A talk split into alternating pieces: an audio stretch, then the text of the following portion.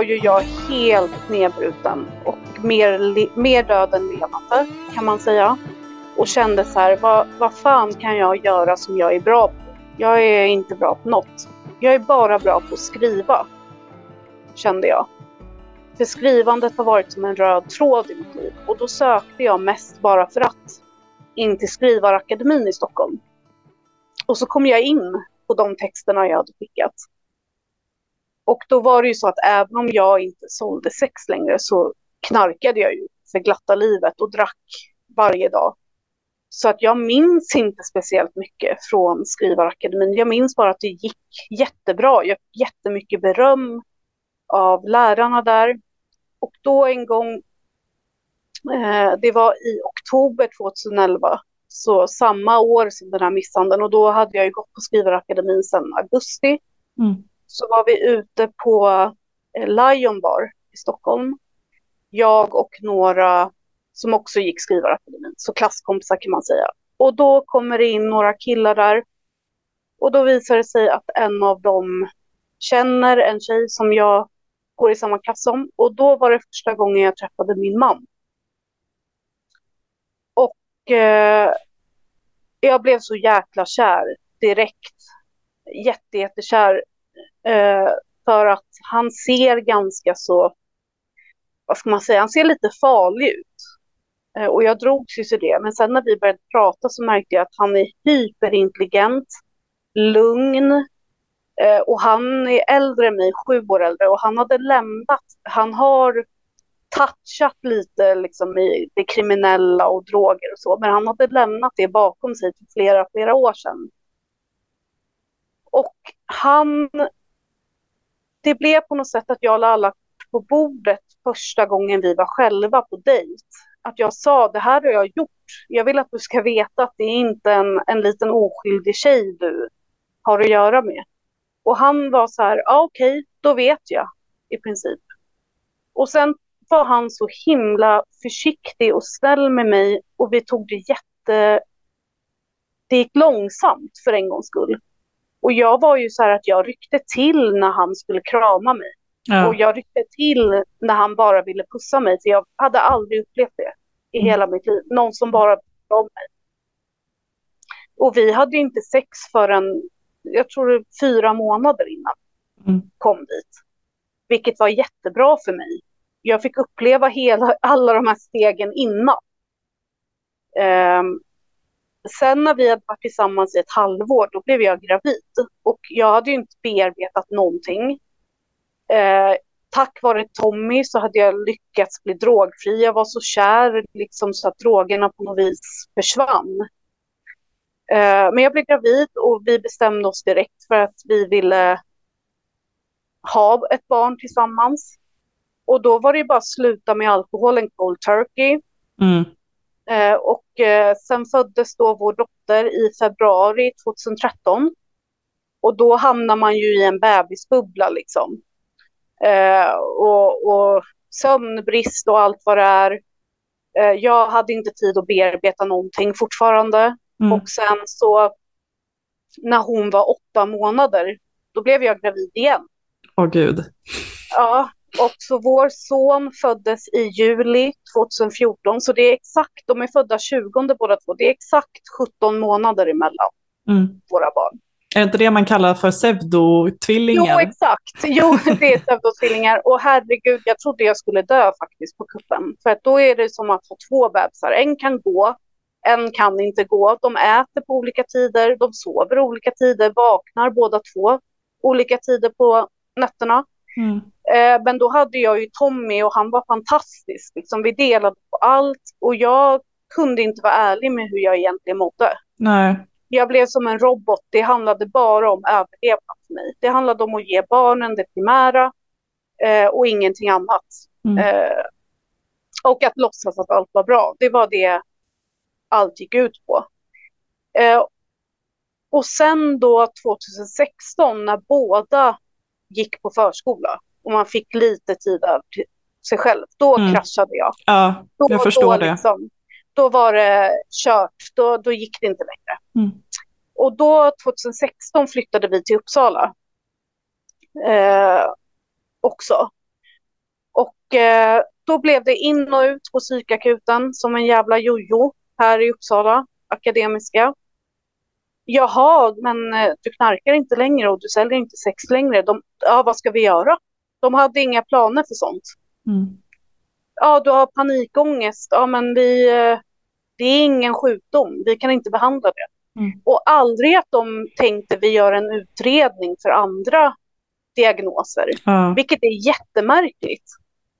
Men och, för det funderar jag på tidigare, liksom, eh, när du berättade att du hade blivit så grovt misshandlad att du faktiskt var tvungen att bli inlagd på sjukhus. Ja. Blev du remitterad vidare inom psykiatrin? Nej, nej för jag tackade nej. Okej. Okay. Men de eh, såg sa... dig och de erbjöd dig i ja, alla fall? Det, ja, ja, det gjorde de. Det gjorde de. Jag ville ju bara från sjukhuset så att jag kunde få knark. Liksom. Det var ju min enda tanke mm. i princip. Alltså hade de kunnat göra någonting annorlunda för att du skulle ha uh, tagit emot den hjälpen? Eller hade Nej. de kunnat erbjuda någon annan hjälp? Nej, jag. jag. var så jäkla duktig på att ljuga. Uh, mm. så att, uh, och jag var rädd, rädd för mina egna känslor om jag tog emot hjälp. Jag var inte redo. Min, min fokus var på att åka någonstans och gömma mig och att få tag på droger. Det var de två tankarna okay. som fanns. Eh, men eh, jag, jag började dricka också, alltså jag drack inget under graviditeterna, eh, inte en droppe. Och jag slutade röka också, min första, alltså cigaretter, min första graviditet. Jag har inte rökt sedan dess heller.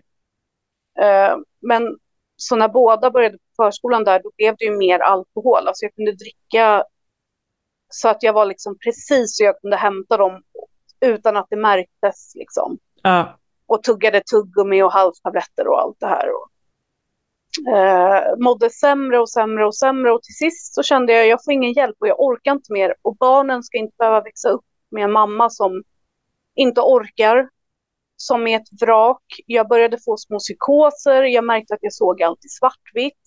Jag ljög om allting, jag ljög om hur jag mådde, jag ljög om småsaker. Jag var inte närvarande.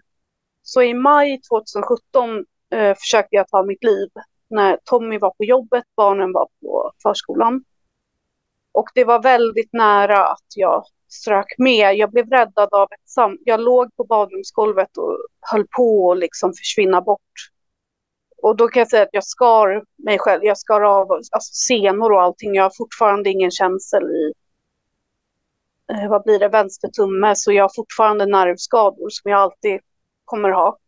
Men då ringde min telefon och det är en person i min släkt då som ringde som jag aldrig brukar prata med i telefon. Och av någon anledning svarade jag och sa så här, jag håller på att dö och det är allt jag minns. Och då måste ju den här personen ha ringt ambulans och allting. Mm. Och jag minns ingenting förrän jag vaknar upp egentligen och de säger att de måste operera mig. Och jag kände bara fuck att jag lever. Jag fick mm. absolut ingen känsla av att åh, en ny chans som man har vissa upplever det så när de har överlevt att de känner att eh, vilken tur att jag överlevt och så. Jag ja. kände helt tvärtom. Jag tillbaka till helvetet igen. Ja, precis. Men då vaknade ju psykiatrin. Oj, hon mår faktiskt dåligt. Och då fick jag utredning. Och då visade det sig ju att jag hade emotionell, person, emotionell instabil personlighetsstörning. Det kallas också borderline. Uh. Eh, PTSD. Uh. Och GAD, generaliserat ångestsyndrom. Och ja, panikångest då. Uh, fick du tvångsvård? Nej. Eller var det frivilligt? Eh, det var frivilligt. Alltså de direkt efter operationen då utav min handled och arm och allting så valde jag att åka hem och det är också knäppt att de inte sa så här, du får inte åka hem. Eh, vi tar in dig, liksom. Utan jag fick åka hem med ett papper med en tid för screening då för psykisk ohälsa och olika diagnoser. Så jag fick diagnos, det här var 17, äh, 15 maj 2017 var mitt självmordsförsök och i november 2017 fick jag mina diagnoser. Mm. Och Hur kändes då, det? Det kändes jätteskönt. Eh, det, samtidigt var jag arg över att det hade behövt gå så långt till en utredning. Och vid den här perioden hade jag ju också börjat, eh, jag hade fått eh, Exanor utskrivet mot min ångest av en läkare som är en bensodiazepin som alltså är narkotikaklassat. Och de knaprade ju jag som godis, så det var ytterligare ett, ett missbruk som kom in där i bilden. Mm. Eh, Visst, visste den här psykiatern om att du var tidigare missbrukare? Nej, eller jo, det, det, visste, det, det var en läkare som skrev ut det här till mig. Okay. Ja. Eh, men jag ljög ju och sa att jag har inte druckit alkohol på jättelänge jag, ja, och så vidare. Alltså det går ju att ljuga sig till det bästa. Jag lärde mig vad man hanterar andra läkare för att få det utskrivet som jag ville ha. Eh, och sen i januari 2018 började jag DBT som är alltså dialektisk beteendeterapi för min borderline. Och det var en intensiv variant, så det var ett halvår, tre dagar i veckan plus en timmes enskild terapi en gång i veckan. Allt annat var i grupp och då bestämde jag mig för att jag ger det här en chans för Tommy och barnens skull. Jag sket i mig själv. För att det är hårt jobb. Alltså det är inte som att man sitter och lyssnar på att så här ska du tänka istället för så här, utan man får hemuppgifter, man får lära sig reglera känslor, man får lära sig att tänka vad är befogat och inte när det kommer till ilska. Jag fick lära mig att vara arg, jag fick lära mig att vara ledsen. Eh, så när jag började känna förändringar i mig själv, då gick det sakta mot att bli för min egen skull. Och det var en jättestor vändning för mig. Att känna att eh, shit, det finns en identitet där någonstans. Jag måste bara hitta den. Eh, och sen när DBT var över så fick jag ganska direkt påbörja en PTSD-behandling och det är det värsta jag har gjort i hela mitt liv faktiskt. Mm. Det var som att gå igenom helvetets eldar. Det var mm. skitjobbigt. Eh, och det är väldigt intensivt och man får spela in sig själv när man berättar om trauman och sen lyssna på sig själv och hur det doftade, luktade, vilka som var där, allt möjligt. Mm. Eh, men då försvann flashbacks, sakta men säkert, mitt undvikande beteende att inte vara på vissa ställen och eh, bli påmind genom musik. Och jag, jag, kunde börja lyssna på musik igen, jag kunde börja kolla på film igen. Eh, och, och, det var också att jag gjorde ett jättehårt jobb. Jag gav mig fan på att nu ska jag bli kvitt det här och det blev jag faktiskt. Mm. Så efter de två behandlingarna så kan man väl säga att min psykiska ohälsa var under kontroll. Jag hade fortfarande ångest. Mm. Eh, jag var fortfarande stressad. Jag kände fortfarande skam, jag kände fortfarande skuld. Men just det här som gör att man faktiskt inte kan leva normalt. Eh, det var ganska så fixat. Mm. Eh, men jag fortsatte att dricka alkohol. Och det bidrog ju till att jag och Tommy bråkade. Det bidrog till att jag fortsatte ljuga och undanhålla saker. Mm. barnen var väldigt skyddade för jag såg till att dricka när de sov eh, mestadels. Men de märkte ju att jag var trött, att jag inte orkade saker. Mm. Eh, och till sist höll det inte. Eh, så att i november förra året så gick jag på mitt första AA-möte. Okay. Början mm. av november. Mm. Och sen dess har jag inte druckit en droppe. Mm. Uh, och jag har inte tagit, jag blev ju av med alltså de här bensodiazepinerna under behandlingarnas gång. Så det mm. blev jag också av med där under vägen. Och eh, då försvann ju ångesten. Alltså jag har ju vetat om att det blir en ond cirkel. Man har ångest och så dricker man och så blir ångesten värre så dricker man mer. Och jag bara kände så här, om jag har gått igenom alla de här behandlingarna så är det inte värt någonting om jag kastar bort mitt liv på att dricka och fortsätta ställa till med saker. Mm. Eh, fortsätter känna mig värdelös liksom. Och sen har det gått ganska snabbt. Alltså jag har ju haft ett frö i mig i säkert tio år att jag vill hjälpa andra. Mår jag tillräckligt bra en dag så ska jag hjälpa andra jag vill ut med min historia, för, inte för min egen skull, inte för att det är terapeutiskt för mig eller för att jag bryr mig speciellt mycket om att folk ska höra vad jag har varit med om, utan för att jag kanske kan bidra till att hjälpa sådana som lever i det helvetet jag gjorde. Och då var jag med i ett par artiklar i två tidningar här i Uppsala. Jag kontaktade själv dem och gick ut med ansikte och namn. Eh, och kände så här, det är tyvärr inte många som vågar. Och då kanske jag banar väg för att fler gör det. Och sen rullade det på, liksom att jag var med i Malou efter tio och sen att jag började föreläsa.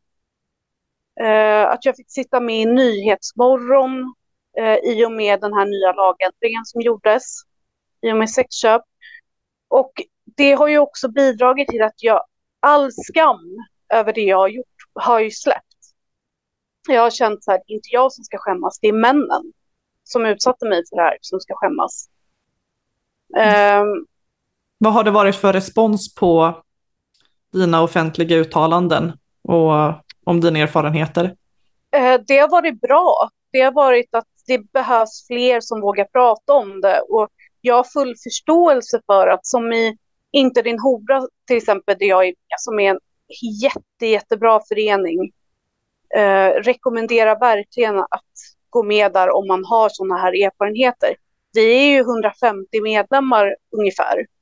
Och det är kanske bara hälften av oss, om, om ens det, som inte vill vara anonyma. Alltså det är jätte, jättesvårt att släppa skammen. Mm.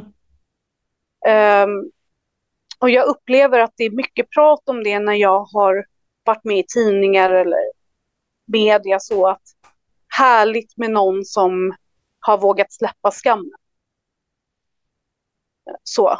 Mm. Sen är det ju också, finns det ju också idioter. Man ska inte skaffa barn om man har psykisk ohälsa och en gång hora, alltid hora och det kommer alltid finnas hora. Men du vet. Mm. Eh, men men det, sånt där kommer alltid finnas. Det är inte, ja. inte så mycket jag kan göra åt idioter. If you know how to stop the noise that's inside our heads Please don't stop telling us things Horrible things About counting to ten Again and again Always the same. It's like one, two, three, four, five, six, seven, eight, nine, ten, and then you start a little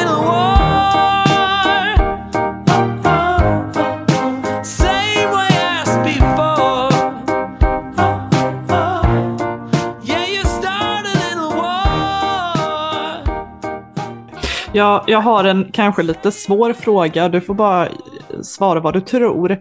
Men ja. jag har ju också diagnoser. Um, mm. Där jag vet om att diagnosen ADHD är ju med största sannolikhet född med. För ja. att uh, den, den finns i min familj. Och att rent vetenskapligt så är det en stor ärftlighet i den.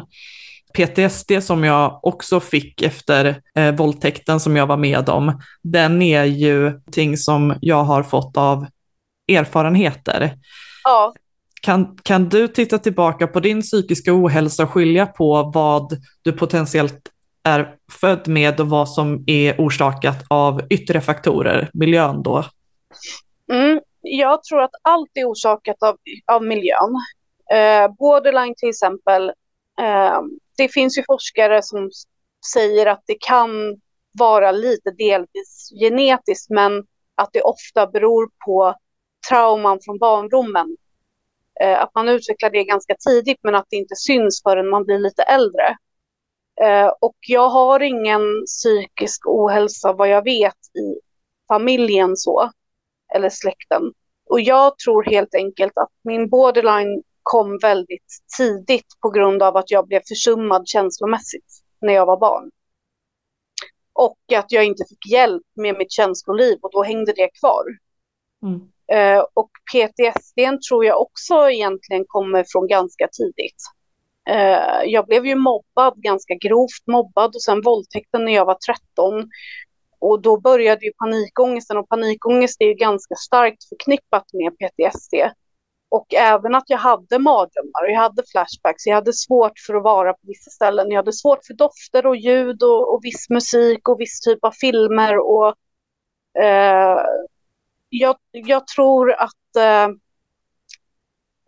jag tror inte att jag har fått någonting genetiskt faktiskt.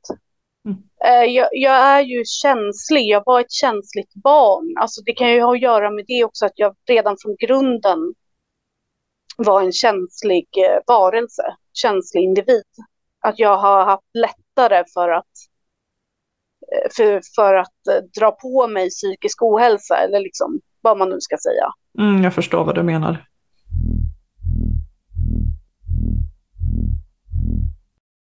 Det här med prostitutionen. Um, vilka begrepp är rätt för dig tycker du att använda? Kallar man det för prostitution? Kallar man det för sexköp? Uh, med liksom respekt till den som blir utsatt för det här? Den som säljer? När det kommer till mig själv så säger jag jag har varit prostituerad. För det är det jag känner att jag har varit. Sen är olika begrepp olika känsliga för olika personer. När jag föreläser säger jag alltid mm. kommersiell sexuell exploatering ska jag säga, så heter det. Eh, det är ju det vanligaste begreppet egentligen. Eh, och säga sexköp, det, det känns som att det är det som används eh, i lagstiftning. Och, Precis. Och det, eh, och jag funderar lite på det där, att det, är det verkligen ett, ett samlag man köper? I poddens första avsnitt så sa Joakim att det, det är mm. ett övergrepp man köper. Ja. Och det här andra, sexuell, kommersiell sexuell exploatering, var det det? Ja. ja, för det är så brett. Det innehåller ju allt från grooming online till eh, sälja bilder och filmer eh, till faktiska, att man, att man säljer sex. Eh, det, det är begreppet för allt. Ja, jag förstår. Så det är väldigt brett. Mm. Eh, men jag ser ju allt det som prostitution. För mig är det samma sak. Eh, ja. Bara att det är två olika ord. Då är prostitution mer laddat. Det är ett laddat ord. Eh, anser du att man kan köpa ett samtycke? Nej. Eh, samtycke är ju att två personer helt frivilligt går med på att eh, ha sex med varandra på det vis man vill båda är med på det. Eh, båda har sagt ja. Alltså ger du någon pengar, eh, då har ju inte den personen, det spelar ingen roll att den personen kanske skulle kunna ha haft sex med dig frivilligt. Du köper ju att personen ska ha sex med dig. Det är inte ett samtycke. Alltså det är att den som säljer säger ju så här, ja, du får betala för det här det är inte ett samtycke. Mm. Så nej, jag, man kan inte köpa ett samtycke. Man kan inte köpa känslor. Man kan inte köpa att den andra ska känna att den vill. Det går, det går inte.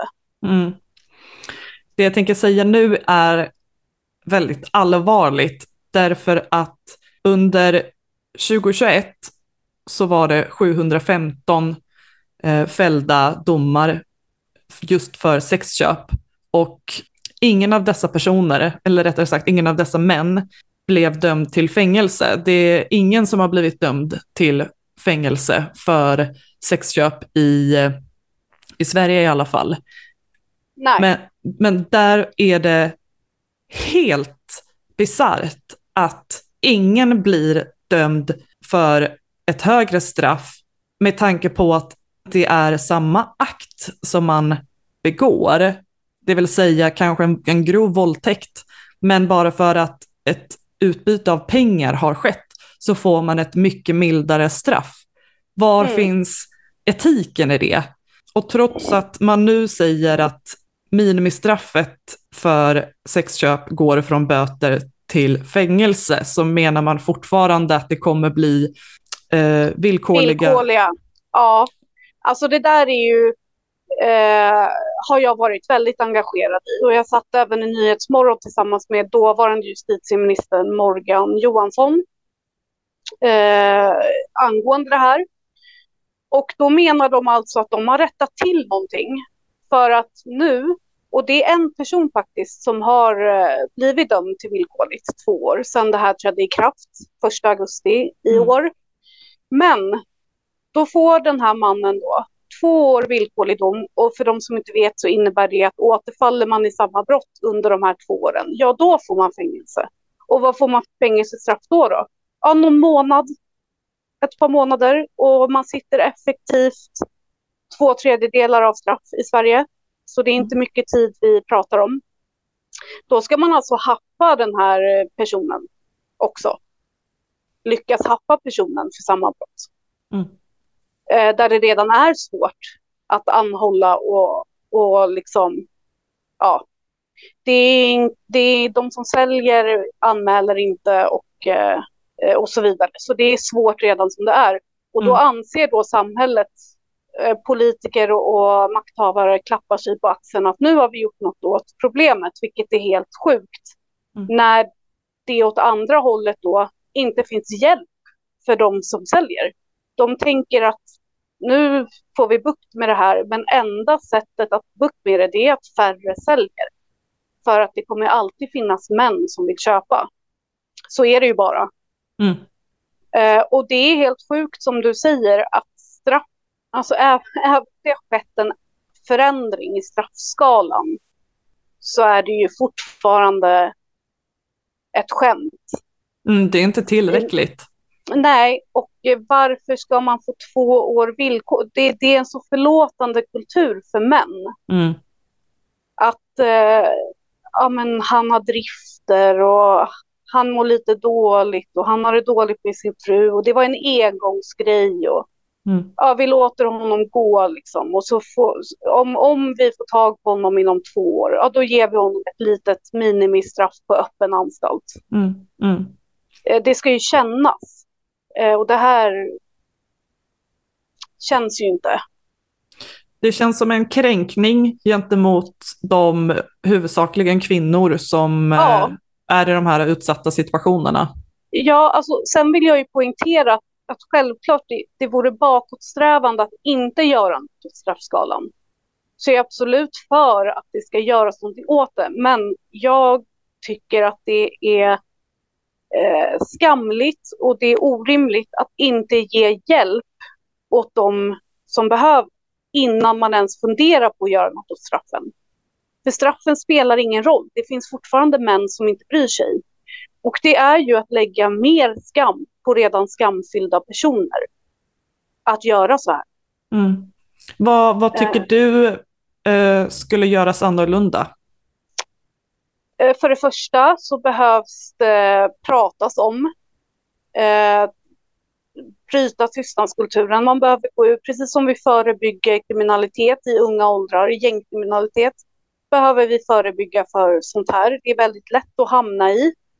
Eh, behöver prata med både killar och tjejer, alltså jag tycker från eh, högstadieålder. Det behövs fler mottagningar för de som lever i prostitution. Idag finns det alltså fler kast, kastmottagning är ju köp av sexuella tjänster, alltså det är alltså mottagningar för män som köper sex. Det finns fler sådana där bara de kan gå än vad det finns mottagningar där bara sådana som lever i prostitution kan gå. Det finns mottagningar, men då får även sexköpare gå till samma. Mm. Så då ska man gå in genom samma dörrar och prata med samma psykologer som torskarna. Vilket jag kan bara prata utifrån mig själv, men jag skulle aldrig gå dit. Även om det är olika väntrum och olika tider och så vidare. Mm. Det behövs fler mottagningar där man kan känna sig trygg. Att här får bara jag och de som har det som jag, de som lever som jag. De här psykologerna och läkarna, de pratar bara med sådana som har varit med om samma saker som jag. Det behövs också riktlinjer och planer för so inom socialtjänst Eh, samarbeten mellan socialtjänst och psykiatri. Man hamnar mellan stolarna jätte, jätteofta. Om man då har en samsjuklighet som det kallas, att man har drogproblematik, man har psykisk ohälsa, man har även sex, då blir man ju runtslussad. Och, och, i Sverige ser man ju drogerna som nummer ett. Det är det främsta problemet. Inte orsakerna till varför man har börjat med droger. Mm så ofta hamnar man ju på en avgiftning eller behandlingshem där det också finns fler platser för män än kvinnor. Eh, och sen så kanske man genomgår då en avgiftning och en behandling på två, tre månader. Och sen säger de, ja hej då, lycka till. Om man då måste vänta flera månader på en psykolog, vilket så ser det ut i Sverige, vad gör man då? Man börjar knarka igen. Det finns ju ingenting som håller en uppe bara för att man har genomgått en avgiftning och en behandling.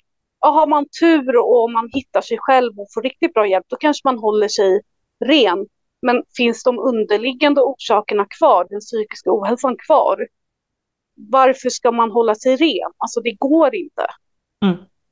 Eh, för de allra flesta så går inte det.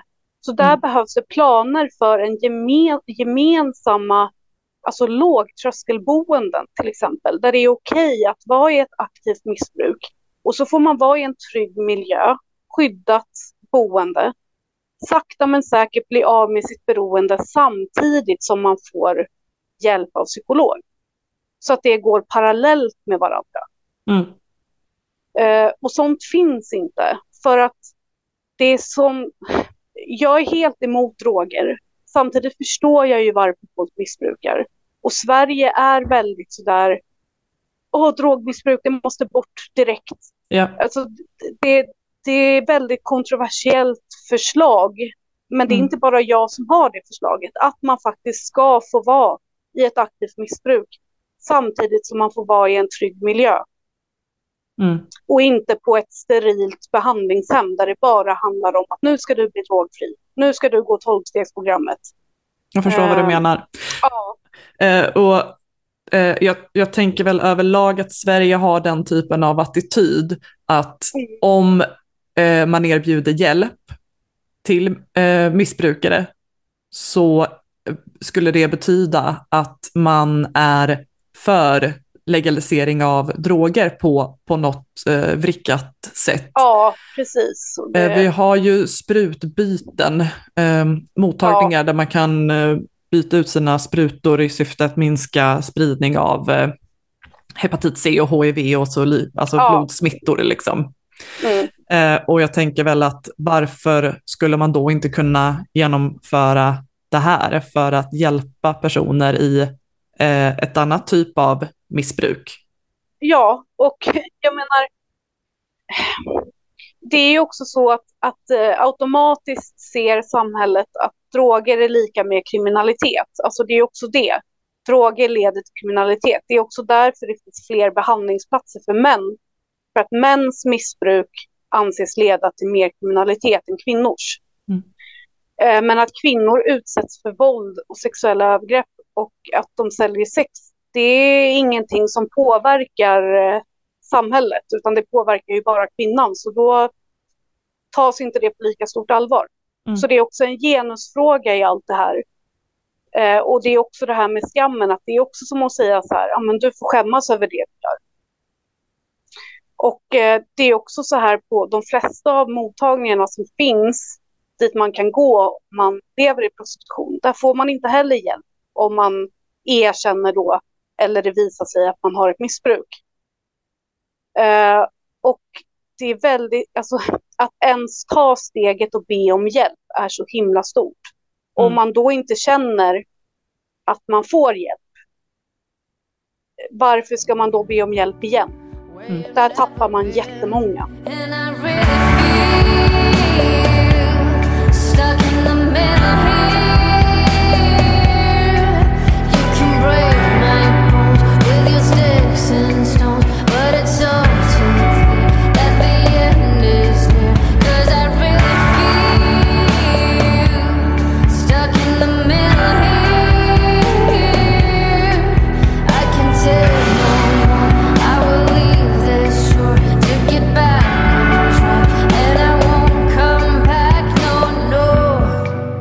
Enligt den statistiken jag har tittat på så är majoriteten utländska, 43 procent eh, respektive 36 procent svenska. Jag tänker att där är det ännu viktigare att man fångar upp personer som inte kan orientera sig i, i samhället och bland myndigheter och vården och så vidare. Ja, absolut. Det finns ju organisationer för det där, men inte tillräckligt många. Eh, sen är det ju också så att det finns ju, allt är ju prostitution självfallet, men det finns ju de som är fast i trafficking från andra länder som i princip lever på bordeller och sen finns det de här som jag brukar kalla inom citationstecken då för vanliga svenska tjejer som har hamnat i det. Och där är det ju också så att polisen måste ta sitt ansvar för nu är det ju så att det är också rätt galet för att de kan ju stå utanför lägenhetsdörrar och höra att det pågår sexköp. Och samtidigt som de säger att de vet att kvinnorna får livslånga men av det här så väntar de tills mannen kommer ut för att gripa honom. Det är viktigare än att springa in och rädda kvinnan. Och det är många då som, som är de här utländska kvinnorna som befinner sig i det här som inte har förtroende för myndigheter redan för sina hemländer.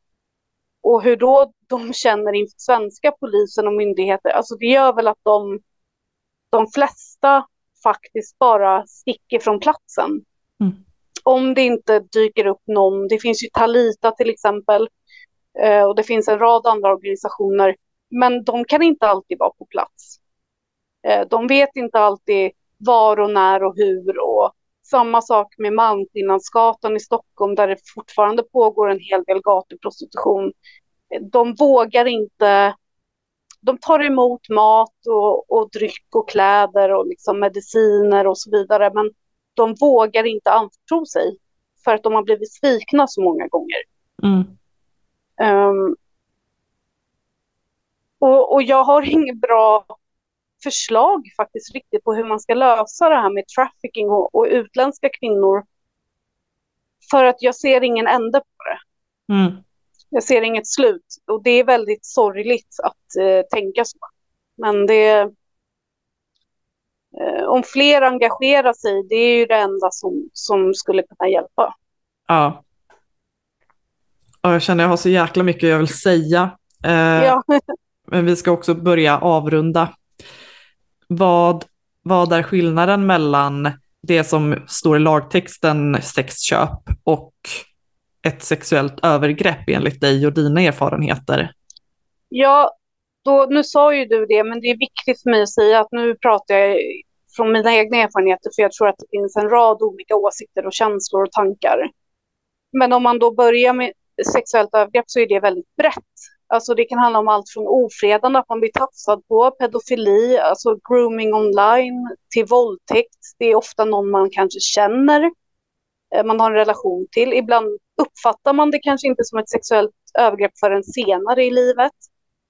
Och sexköp har ju element av övergrepp i sig. Enligt mig. Alltså jag har ju själv råkat ut för torskar som har bett om någonting och jag har sagt nej och sen har de gjort det ändå för mig var det ju då, ska jag säga, värt pengarna ändå. Alltså nu tänker jag ju helt annorlunda. Mm. Sexköp handlar ju för mig alltså, om en slags falsk makt över min egen kropp. Att eh, jag vet vad som kommer hända och jag ingen relation, oftast hade jag ingen relation till de här männen heller. Och jag kunde till och med intala mig själv att jag utnyttjade dem. Bara haha, det här hade du kunnat få gratis, liksom, din jävla idiot, ungefär. Eh, och jag också kände att det var jag som förgrep mig på mig själv. Jag hade mig själv att skylla mm. eh, på något sätt. Men det är ju en hårfin eh, gräns. Alltså det är ju på ett sätt ett betalt övergrepp om man då går in på att allt som inte är samtycke är ju ett övergrepp på ett eller annat vis. Och eftersom att jag då inte anser att man kan köpa ett samtycke, ja då blir det ju på ett vis ett övergrepp. Men hur jag kände, jag kände inte att det var övergrepp då. Mm. Om jag tänkte på våldtäkten jag var med om, ja det var ett övergrepp. Men det, när jag sålde så var det mer att mådde jag dåligt över det eller att någonting hände, då var det mitt eget fel. Mm. Eh, men som sagt, det är en hårfin gräns det där. Eh, och det finns element av, absolut element av sexuellt övergrepp i, i sexköp. Mm. För det jag tänker på mycket är ju hur olika straffskalorna ser ut beroende på ja. om, om det är sexuell exploatering eller om det ett eh, sexuellt övergrepp.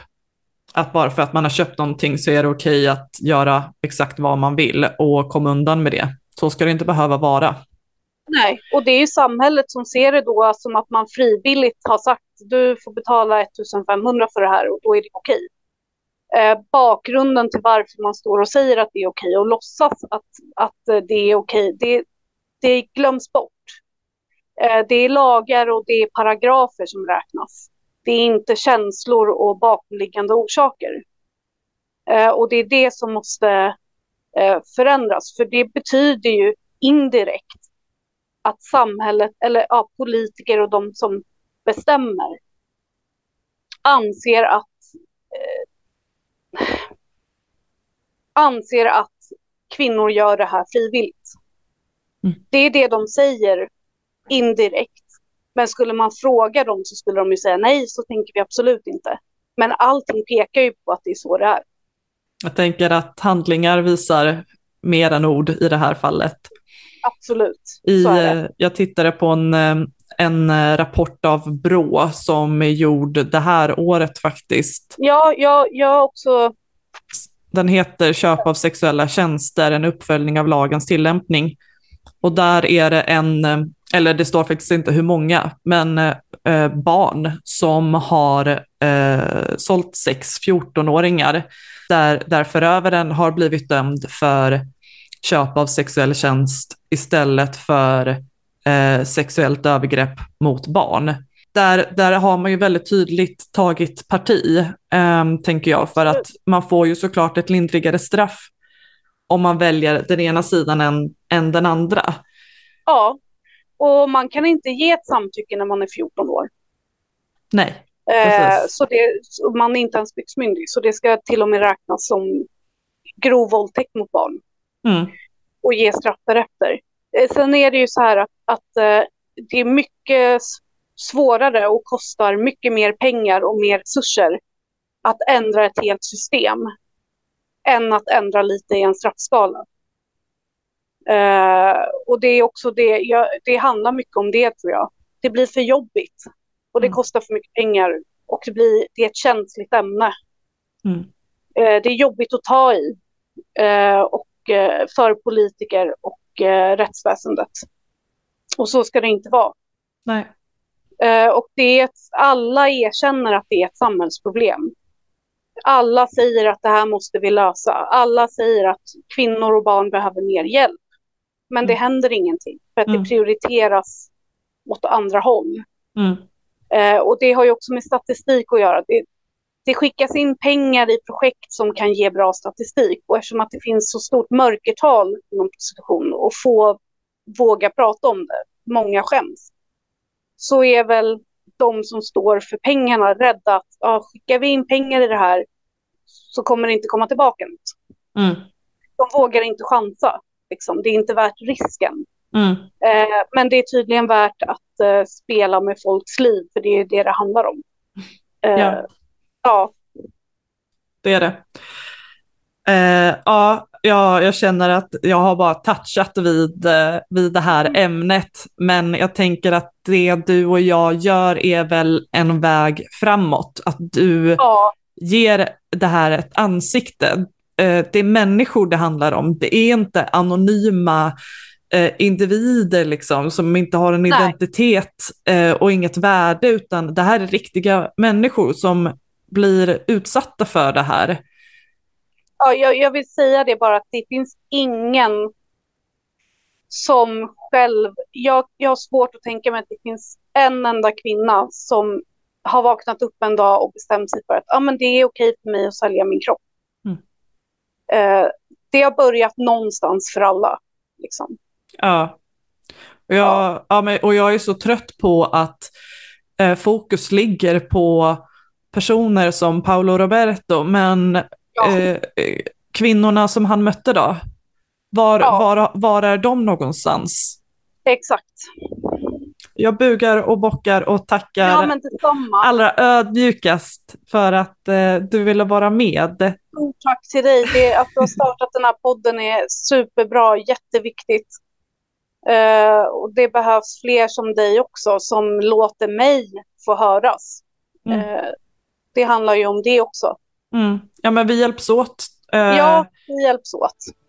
Det gäller ju att, att ta plats. Vi kanske är indoktrinerade med något annat, men eh, vi skiter i Ja, det. så är det. Ja, vi skiter i det. Det tycker jag låter bra.